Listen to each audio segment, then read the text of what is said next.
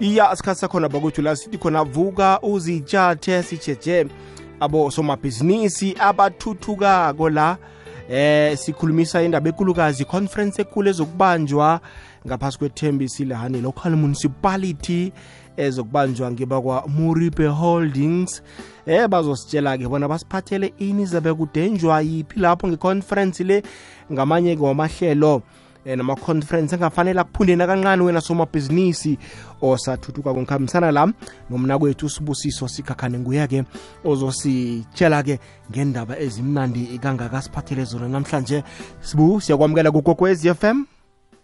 Eh Tamindlo sawubona ngiyabonga for i opportunity nisiphe yona as Mrepa Holdings. siyathokoza baba belinjani ilanga lakho la namhlanje No, hey yashisa empumalanga.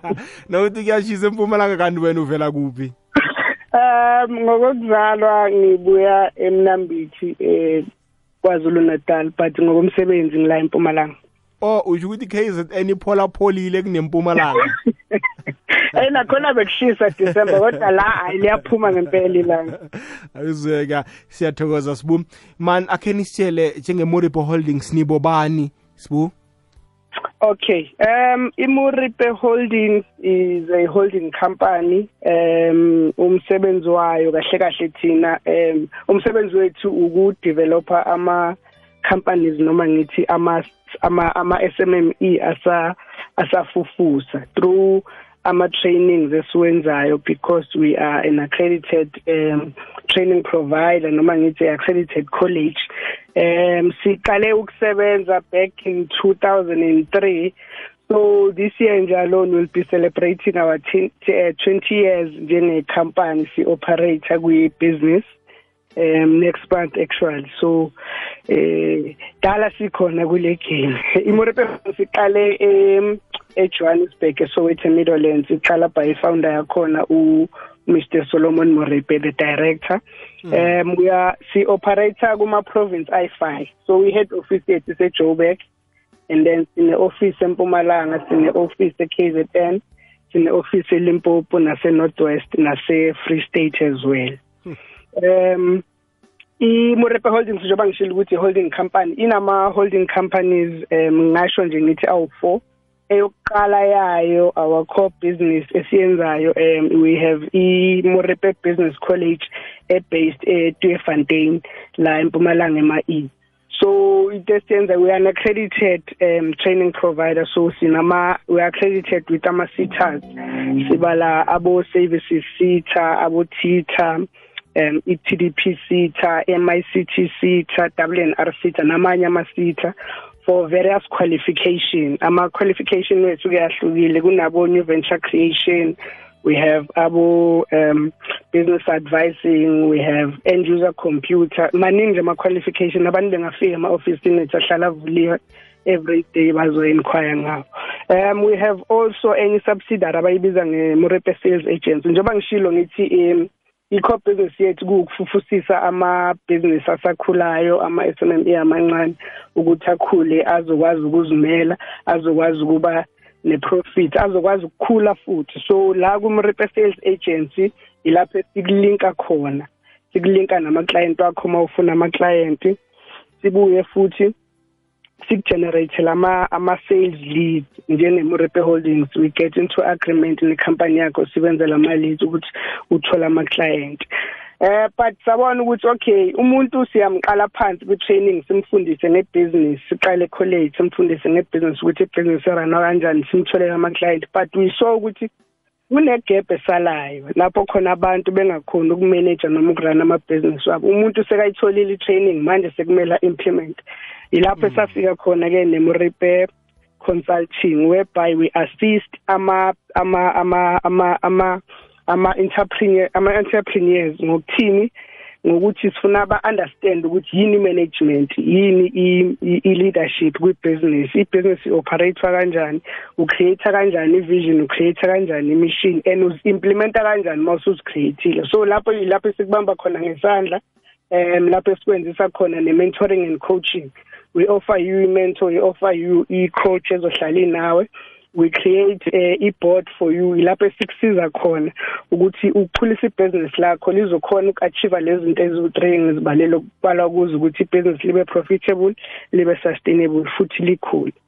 Um sithe masisuka lapho um sabona ukuthi okay iyasinceda le sesibadevelophile abantu but now nayo inkinga lapho esivela khona. Abantu sibadevelopile sebenama-client now they can't move forward. Eh badinga funding badinga imali badinga ini. That's where iMorepe Capital yafika khona. So iMorepe Capital ifika ngokuthini? Izo assista ama SMME funding ukufundraise ukuthola imali nani nani. So we started ukuthi thina sizo assista but through ama resources ne demand ekhona um kwaya ngokuya nathi yagcina iba sengaphezulu that's where we came up with i-funding conference lesoba nayo. So i-funding conference ibuya kuphi? Ibuya ekuthenini besiba nama-seminars each and every um, thursday khona la empumalanga um where we call we we, we discuss ama-topic ahlukene um kubalwa abo-think big and grow business. Thothi sizokhuluma nge-tax this day next week sizokhuluma nama-farmers sizokhuluma nama-retail owners sibuye sikhulume maybe nama nabantu be-bakering but now masiyibheka lento siyibhekele eduze sabona ukuthi kubo bonke labantu iyodwa into abakhala ngayo. Bonke labantu bafuna i-funding. Sibanceda kanjani ngale funding? So that's where we came up with i-idea yokuthi okay sizoba ne-funding seminar each and every thursday. I-funding seminar le sizobiza ama-institution government institution private um namanye kanjalo kanjalo ukuthi eze ezopresenta kuma SMME asethembisile ukuthi thina njengesida ngenze isibonelo umzekelo eh thina njengesida sizana kanje ungakhona kanje uku-apply nge-funding nani nani nani nani but mabefika labantu lama organization ama government nama private sector nama private institutions afika athola ukuthi abantu bethu abekho ready nge-funding so saqhamuka nale plan yokuthi no abeze laba bezo explain ukuthi mangifuna uku-applyela e-land bank nazi izinto engiyidingayo so sathi abeze bezo prepare ama-SMME wethu ukuthi ama-SMME wethu by i-26 zakaJanuary bethi mabefika befike sabazi ukuthi i-land bank uma u-applyela i-loan or uma u-applyela i-grant e-land bank kuzofuneka 1 2 3 4 5 eh siba-prepare kanjalo abantu bafike befike bepresent eland bank kuleyo seminar le besiba nayo ngama Thursday so le yenzeke bekuyinto ya last year up until December. Now we are in preparation for a conference enkulu lapho bezobe sebekhona wonke lama institution so into ezobe yenzeka enkulu ngalelo langa it's a one day conference so sibiza wonke ama SMME ukuthi eze ngaleli langa lelo. Azo because ngalelo langa kube kukhona over 20 yama funding agencies azobe khona from uh, from ama bank to ama government um namanye azobe khona um kuzobe ku presentwa so ama experts azobe khona present ebatshela um ama SMME ukuthi how do you apply for your funding? What is it that you need to have? Yini nani nani nani nani? Kuze kuzobe kunama service providers azobe um present as well. Kuzobe kunama discussions for ama SMME nama industry stakeholders which discuss between them ukuthi okay wena uthi unalokho because um imangenza umzekelo emini i had uh, one client la ekuza ukuthi eh thina abanye bama SMME siyabetheka la siba nenkinga yokuthi we are blacklisted. Asiyazama uku-apply for ama-funding nisiza kanjani? So wonke lawo ama-question lawo ama-question azobe khona ukuphenduleka on the day. Ama-application azobenzeka on the day. For those that who are ready. Ama-presentation by ama-SMME to ama-funders azobe yenzeka on the day. Ama nama-exhibition uh, by ama ama ama funding stakeholders njengoba sengishilo nabo azobenzeka on the day. So igoli yethu lana ukuthini ukuthi ama SMME ukushare information yokuthi ifunding yenziwa kanjani imapha ama funding opportunities are available and then we link them ngalelo langa lelo. Nawo ama funding agencies lawa azobe khona on the day. I- iya- iyazwakala sibongi ngifuna khe sijike ngapha nasibuyako sikwazi ukuragela phambili neminye imibuzo. Okay. Mlaleli ngekwekwezi fm abalaleli bangakuhlanganisa nenhlobo nomndeni owalahlekelana nawo. Thumela uthi asifunisane. Ku-email ethi info at ikwekwezfm co za udose umtato ehlelweni namkha uthumele iphimbo mgadangiso enomborweni zokubizwa mrhatshi wehlelo asifunisane ngosondo ngo-10 plus 8 ebusuku. Umkhanyo ukhona. Kukhanya ba komutsha 2023-2023 sivukile breakfast show. Awe. Inamba lasirakuleni phambili la njenganjena kiba machumi amabili mzuzu. Phambi kobana kubethe isimbi yechumi nanye le ikwekwezi fm lihlelo sizigedlile sithi la vuka uzitshate sikhuluma nabo somabhizinisi abasothuthukako.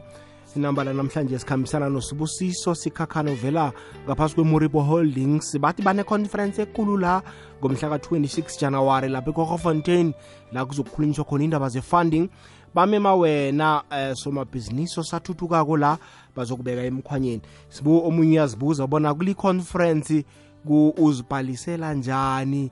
Ubhalisa ngemali na? Into ezifana nalezo sibu um that's like ama-seminars wethu ebesiwarana during the year. Um i-conference le it's free. It's open to every business person ofisayo ukuba yiphathi yayo. However um uku-attend i-conference le kuzomele abantu bayenze i-rsvp um ku inamba le angazi noma ngayisho manje or ngisho ekugcineni no ungayitsho sizayibuyelela Oh, negqinini okay. Inamba le ye yokuRSVP ithi 065 909 8114. So they can either call uh, mara ngicela nifone during office hours. They can either call or send you WhatsApp or SMS. o umuntu kufanele azitlolise ngaphambi kobana a- abe lilunga namkha Yes. Yes, a-attende because ama ama ama seat wethu abaliwe so first come first serve. And ngingasho nje ukuthi manje abantu babhizi bayasenda ama RSVP. I think by next week ivenue izobe seyicela. nilindele abantu abangangani sibu Silindele abantu abayi 500. o 500 Yes. siyabona I- i- iyokubanjwa malanga ingakhi mhlambe Ilanga linye kuzoba ilanga elilodwa mhla ka 26 izoqala ngo 8 up until 4 o'clock. So kuzobe kubhizi on that day. kuphi mhlambe sibu Eh kwa Gafontein Community Hall. niyokuthoma sikhathi bani Sithoma ngo 8.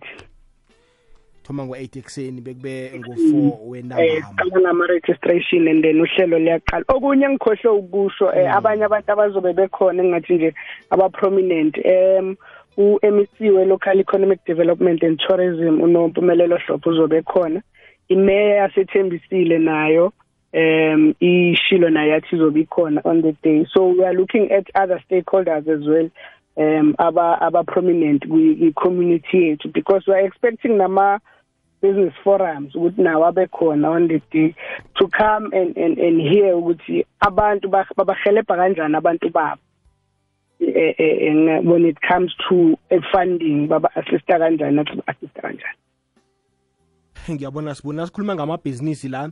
Eh niyakhetha mhlambe ukuthi mabhizinisi anjani namkha nje ibhizinisi noma kungaba ngiliphi eh umuntu angeza uzokuzwa nokuthi funding uzoyithola ku- uzoyithola njani? Cha imkhakha sikhethi eh imkhakha yonke imkhakha ivulelekile from agriculture to retail eh, shop owner wonke umuntu angeza azo azo azo- azophindlebe ukuthi kuthiwani because ngathi informal kanti khona ama ama funders azobe khona we info awe informal azobe presenter on the day. So but engingakusho nje ngiqikelele ukuthi siyafisa ukuthi yes abe informal babe khona but they must be prepared ukuthi kuzothiwa nabo abayenza amabhizinisi wabo informal by registering them. Because enye into leyo esiyenzayo kwi-moripe consulting where we, we assess i-business lakho ukuthi li-ready kangakanani for i-funding and then that's when we start uku-advise khona ukuthi kumele wenze one two three four. So abantu bengeza nje e-ofisini sizoba-checkela ukuthi ukuze babe ne-opportunity engcono yokuthi ba-aplayele bazodinga inani nani nani nani.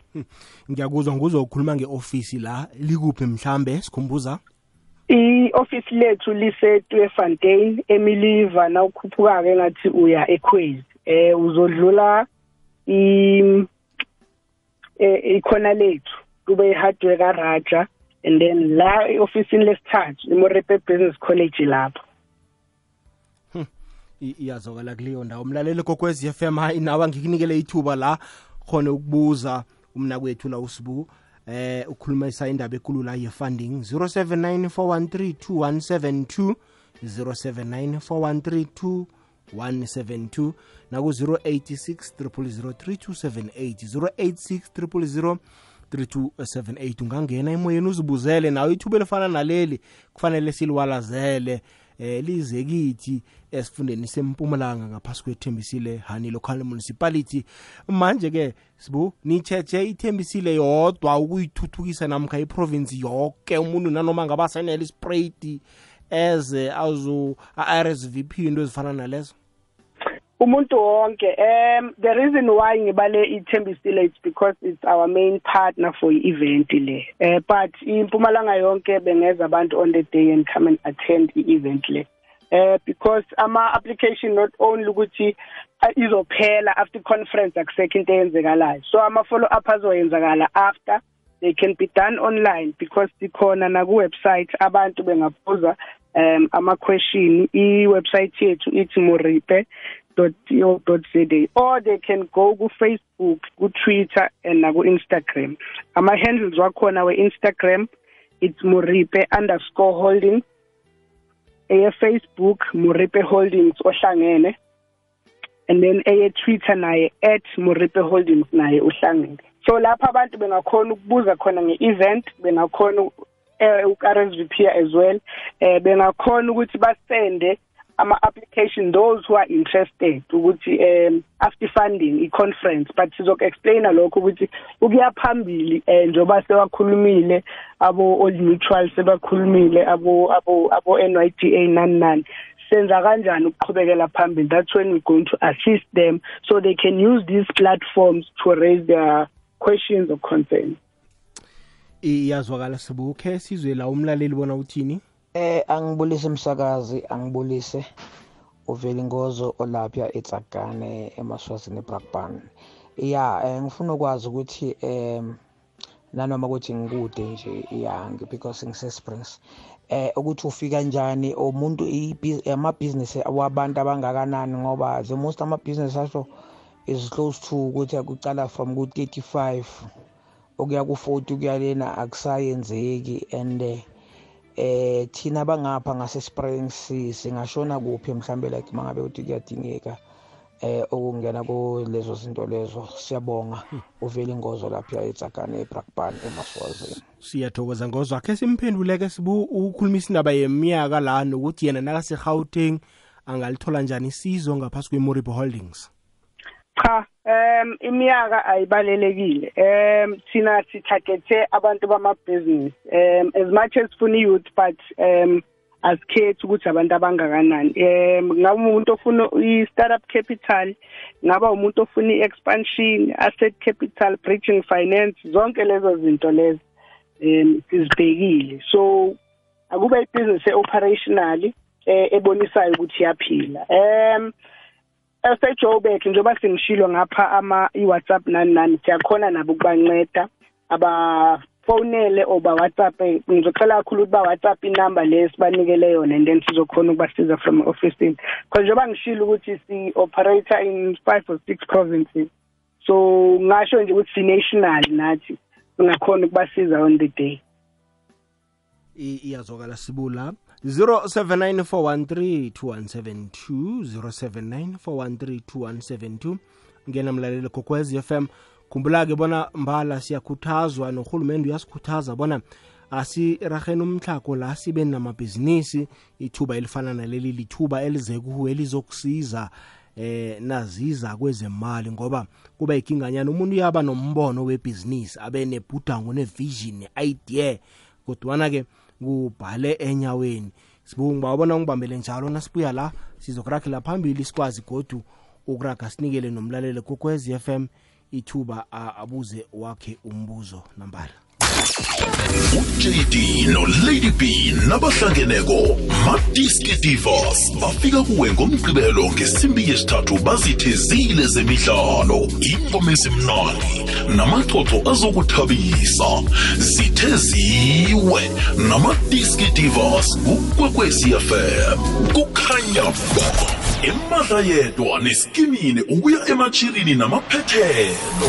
04.1 kukhanya ba mlaleli ikwekwezi fm yenza konke okusemandleni ukukwakha nesitshaba sonke ngokukulethela amahlelo afundisako. Konke lokhu kungababulula ngombono nomfakela ovela kuwe ukuthi ikwekwezi fm ingakusebenzela njani ngcono njengomlaleli wayo. Sitlolela ngeposomoya ethi info at ikwekwecfm co za namkha enkundleni zethu zokuthintana zomrhatsho ikwekwecfm kukhanya ba nambala le ikwekwezi fm kukhanya ba iba lichumi mzuzu.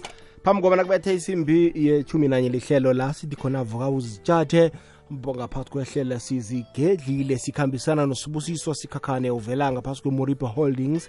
Bakhulumisa indaba ekulukazi yeconference ezabe ise kwakafontein icheje amabhizinisi asathuthukako eh amabhizinisi ukhulumileke usibubona abakhethi amabhizinisi. Mhlambe nakho uluka imseme lapho eh dadwethu namkhama ibhizinisi nayo leyo ungayenza u- ibe formalized ibe semthethweni uthole ifunding uyithuthukise khona ukuyikhangisa. Nakho mhlambe umuntu utransport abentwana ngumalume uyakhona ukuyenza ibe formal. Sibuka kaningi-ke ke abantu bekhetha umraro ulapha ekuhloliseni amabhizinisi wabo to formalize amabhizinisi wabo. Istaka lapho kaningi and i-funding angikholwa ukuthi uyakhona ukuyithola ibhizinisi ingasi-registered sibu hayi kuba inkinga enkulu leyo. Eh masiqala i- i- amasemina wethu siqale ngawo ama ama ama ama topic afana nalawo ukuthi how do you grow your business? Ibusiness lakho ulithatha kanjani from informal to formal? Eh kubalekile ukuthi abantu ba register ama business wabo.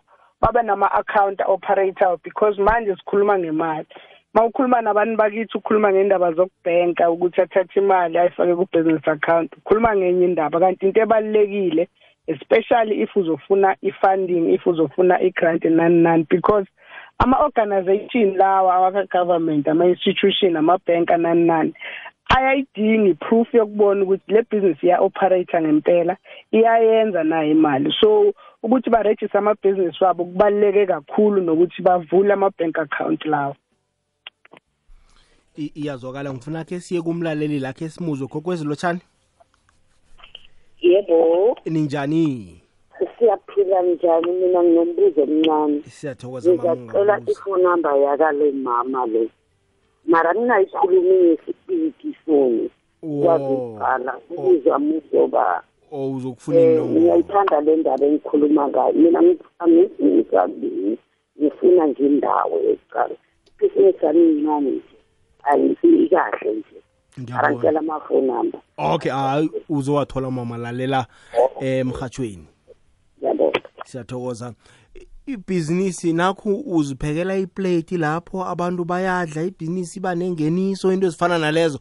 Zizinto esizifunako eh bemoribo holdings bafuna ukukusiza ukukhulisa ibhizinisi yakho uzithole nawe mhlambe sowune eh, sowune space ekungesakho eh, e-complex ethize ibhizinisi yakho ingenisele kuhle imali sowunama balance sheet ama-bank statement akho ubhadela i-tax kuhle. Yeyi nasi into ebalekisa abantu-ke sibuya indaba ye-tax. Wakhuluma yeyi indaba enkulu. Hey hayi indaba enkulu leyo ngempela.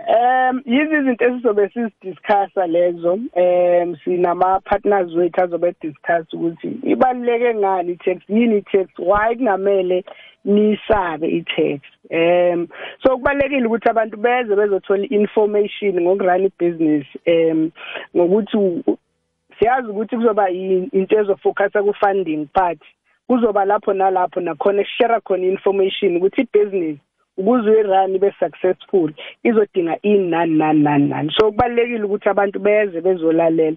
And asizukugcina nje lapha kuphela ukuthi after conference ekuyatholakala njengoba ngishilo ekuqaleni sisazoqhubeka sibahelebha abantu ukuthi bawarana kanjani amabhizinisi abo ukuthi abe successful akhona ukukhula akhona ukwenza iprofit akhona ukuba formalize because yinto emqoka leyo nesifuna ukuyenza bengibheke nje istats esishoyo ukuthi eh there are over 2.3 million businesses eSouth Africa ama SMME but uma ubheka over 600,000 are only registered. The rest 1.5 they are not registered. That tells you ukuthi a lot needs to be done kubantu bethu ukuthi baformalize amabhizinisi wabo. Bezokhona ukuthola izinto ezifana nabo abo funding bezothola ukusizeka ngama business development services.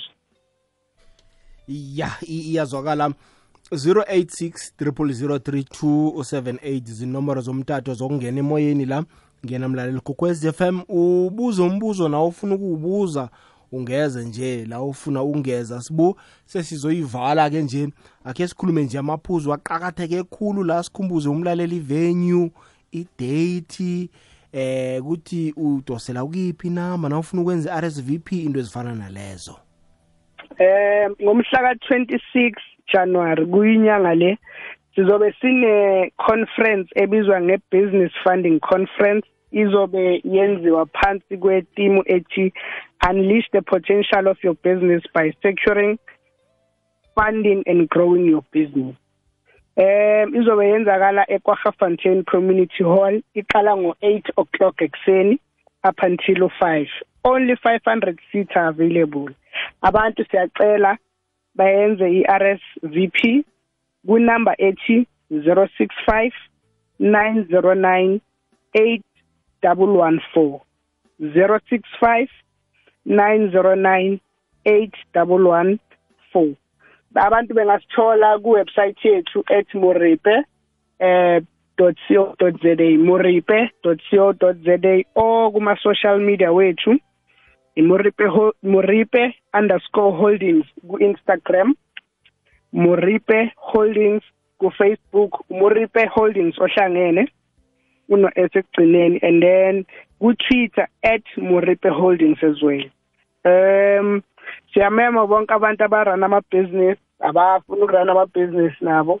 Um abasenama idea beze bezolalela mhlawumbe singabasiza after conference um sithemba isitshaba sethembisile nempumalanga bayokuphumelela ukuthi bafike. Um eyami inamba e-ofisini sitholakala e-Tweefontein ema-E em lapha engasegoda egoda bakery em eniliva na ukhuphuke ngathi yiqueen inamba yami mina ithi 081 440 8214 081 440 8214 em isebenza ngama office hours ke inamba le but okuningi singakhuluma ku WhatsApp kule number ye 065 hayi sibu ukukhulumile mina angisoli akunala ngisola khona.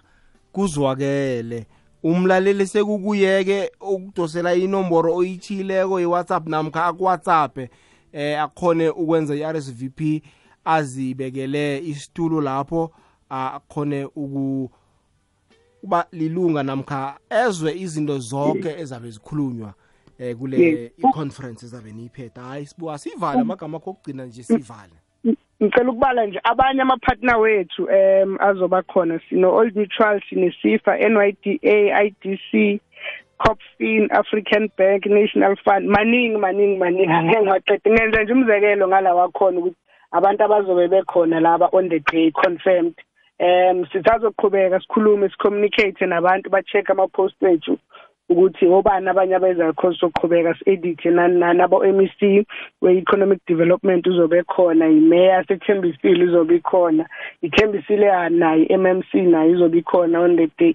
So kuningi okuzobe kwenzeka siyanicela siyanibawa. Ukuthi nibe khona ngelanga leli bosomabhizinisi. Nizokhona ukuthuthukisa amabhizinisi wenu. Nizokhona ukumamela ukuthi yini le kufanele niyenze ukuze nizokwazi ukusiza amabhizinisi nenze namathuba omsebenzi njengoba i-unemployment rate ikhuphuke kangaka nje apha eMzantsi Afrika.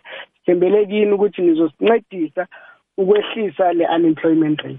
Ngiyabonga Damindlo for isikhathi sakho um ngiyabonga futhi nakwibalaleli bekwekwezi FM sithokozile sibuka uba nawe namhlanje ah sinifisela ichudu iconference enzabeni ibambile ekwahofanten community hall ngomhla ka-26 sithokoze nangokuzayo sithokozile sikhakhana awuzweke ngusibusiso sikhakhana ovela ngaphasi kwemuripe holdings. Kuzwakele doselani inomboro-ke ezibiziweko uzibhukhele isit lapho kube mnandi kube njaya. Enye nenye ibhizinisi unescrap yard ekhaya apho ufuna ukusikhulisa uguda abantu inhluthu ufuna ukuyikhulisa ibhizinisi enye nenye ufuna ukuyikhulisa. Yeyi isizo lemali angekhe-ke ulithole ungakahlolisa ibhizinisi yakho. Okubuhlungu sengilokho. Yayibona indaba? Hmm? silibekela ihlelo lethu lanamhlanje kuza kubanjalo godu nangeveke zoko